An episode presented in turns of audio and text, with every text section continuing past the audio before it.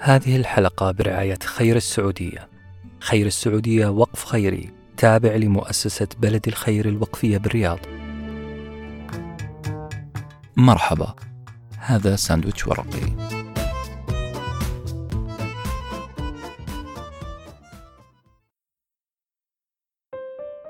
قام بإلقاء هذه الحلقة أحمد مساء الخير هل تعلم أن تفريش الأسنان لمدة دقيقة هي ممارسة سخيفة لا تقدم ولا تؤخر؟ نعم لا يهمك ما يقوله أطباء الأسنان فأنت ستضيع دقيقة من يومك بلا فائدة لا لك ولا للأسنان قبل أن يغضب مني دكاترة الأسنان وكل منسوبي الطب والعالم أجمع راح ألحق وأكمل جملتي نعم تفريش الأسنان لمدة دقيقة في اليوم لا يقدم ولا يؤخر إنما الانتظام في تفريش الأسنان دقيقة كل يوم هو ما يصنع الفارق. انضباطك على عادة من العادات على المدى الطويل هو المهم. التزامك على فعل الشيء البسيط هو المعادلة السحرية لنجاح أي شيء في الحياة سواء كان مجال قيادي ريادي صحي أو اجتماعي. الانضباط هو إكسير النجاح. لكن السؤال المهم هل تقدر تقاوم رغبتك في الاستسلام للركون والتوقف عن رحلة النجاح؟ بعبارة أخرى هل تمتلك الأداة السحرية اللي اسمها self discipline أو الانضباط الذاتي؟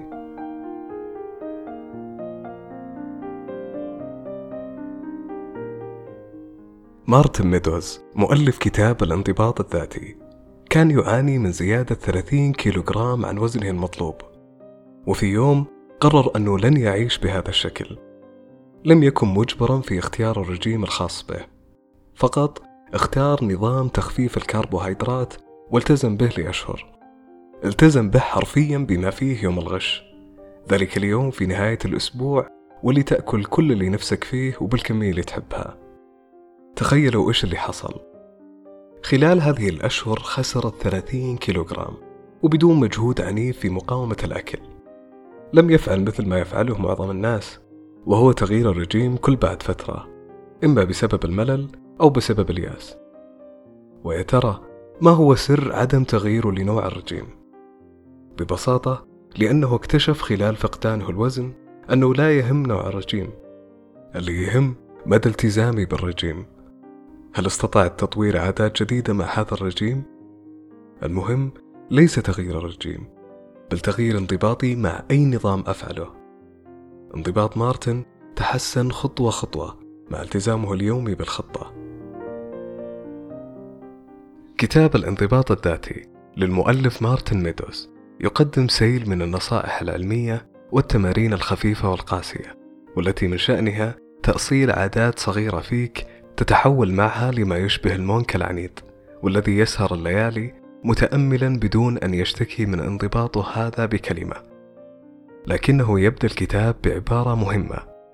لن تستطيع أن تبدأ في خطط عملية قبل أن تعدل من دستورك في الحياة. نظام تشغيل عقلك القناعات التي تجعلك تيأس وتصمد. يقول مارتن في أول فصل كثير هم المخلصون الذين يحاولون يوميا الوصول للقمة بكل عزيمة إلا أن هذا الصمود وفي لحظة ينهار وكأنه جبل ثلجي عانى الأمرين من الاحتباس الحراري فذاب وانحدر لقاع الأرض.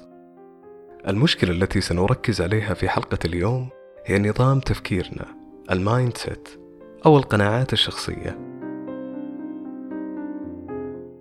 لا تخف عزيزي المستمع. عزيزتي المستمعة من كلمة قناعة. فهي لا تعدو كونها مجموعة أوامر وحوارات ذهنية تتعود على اكتسابها مع التمرين. تحتاج أن تقنع نفسك وأن تصل ليقين شخصي بأنك تريد فعلا أن تصل إلى ما تريد. أن تقتنع وتصل لمرحلة يقين. أن خطتك للوصول إلى ما تريد هي خطة عظيمة وتستحق الالتصاق بها لمدة طويلة. هذه القناعة عبارة عن منارة ضخمة جدا أشبه بناطحة سحاب على ساحل المحيط. عندما ترمي نفسك وسط المحيط في قاربك الشخصي وتشعر فجأة بأنك تائه، عليك فقط أن تنظر للمنارة لتذكرك بأنك في رحلة إنجاز وأنك في منتصفها. تحتاج هذه القناعة الراسخة التي يقول عنها المؤلف بأنها عنصر أساسي. لولاها فلن أكمل حتى متر أو اثنين من الرحلة. وأقصد بالرحلة هي رحلة رجيمك تعلمك للغة اكتسابك للثقة دراستك الجامعية زواجك علاقتك بصديقك مشروعك الشخصي إلى آخره. بعبارة أخرى لا انضباط والتزام بلا قناعة بجدوى ما تفعل. العنصر الثاني لترميم خطة تشغيلك الفكرية والنفسية هو قناعة أخرى تسبق انضباطك. قناعة بأن الضيق والالتزام توأمان لا ينفصلان. نظرة سلبية جدا مو كذا؟ نعم أنت لا تحتاج الانضباط إذا كانت الأمور سلسة والحياة وردية.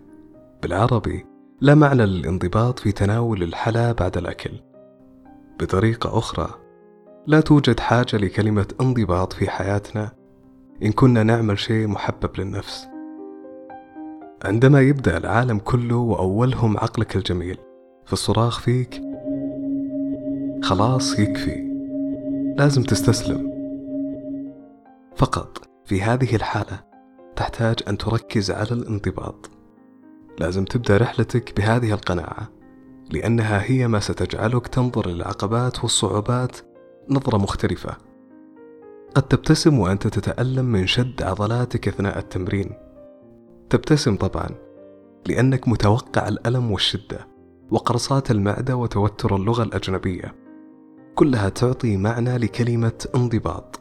فلا تزعل كثير عندما تشتد عليك الأمور في برنامجك وروتينك لأنها مؤشر طبيعي للانضباط. كيف أقدر أطور من قدرتي على تحمل الضيق؟ بأن تصبح رفيقا للضيق بل صديقا له. أنت عندما تبدأ في التعود على الشعور بالراحة في اللحظات الحرجة عندما توجد تلك الثواني التي تسترجع فيها نفسك وثقتك عند الأزمة والتعب هي اللحظة التي تستطيع أن تؤكد بأنك وصلت للانضباط. أنت كونت مضاد للتعب والقلق. كل ذلك سيمضي. عبارة رنانة سمعناها كثير. تعود للقرن الحادي عشر ميلادي من التراث الصوفي الإسلامي حيث طلب ملك ما من حكماء البلد أن يهدوا خاتما محفور عليه حكمة ترفع من روح المعنوية. فما كان منهم إلا أن يهدوا خاتم مكتوب عليه إن هذا الوقت أيضا سيمضي. يقول لينكولن عام 1859 عن هذه العبارة بأنها فتاكة خارقة وعظيمة فهي تعيد توازنك وقت الفخر الشديد وترفع نكوصك لليأس وقت الشدائد. كما هي الأديان والشركات والدول لديها شعارات تلتف حولها وقت الشدائد. تحتاج أنت لتشكيل ترنيمات ترددها بينك وبين نفسك للعودة مجددا لقمة نشاطك والتزامك.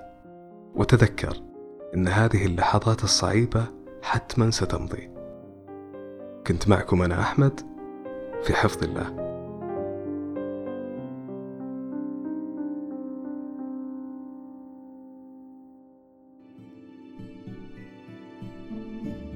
هذه الحلقة برعاية خير السعودية. خير السعودية وقف خيري تابع لمؤسسة بلد الخير الوقفية بالرياض. كنتم مع ساندويتش ورقي وجبة معرفية نتشارك لذتها.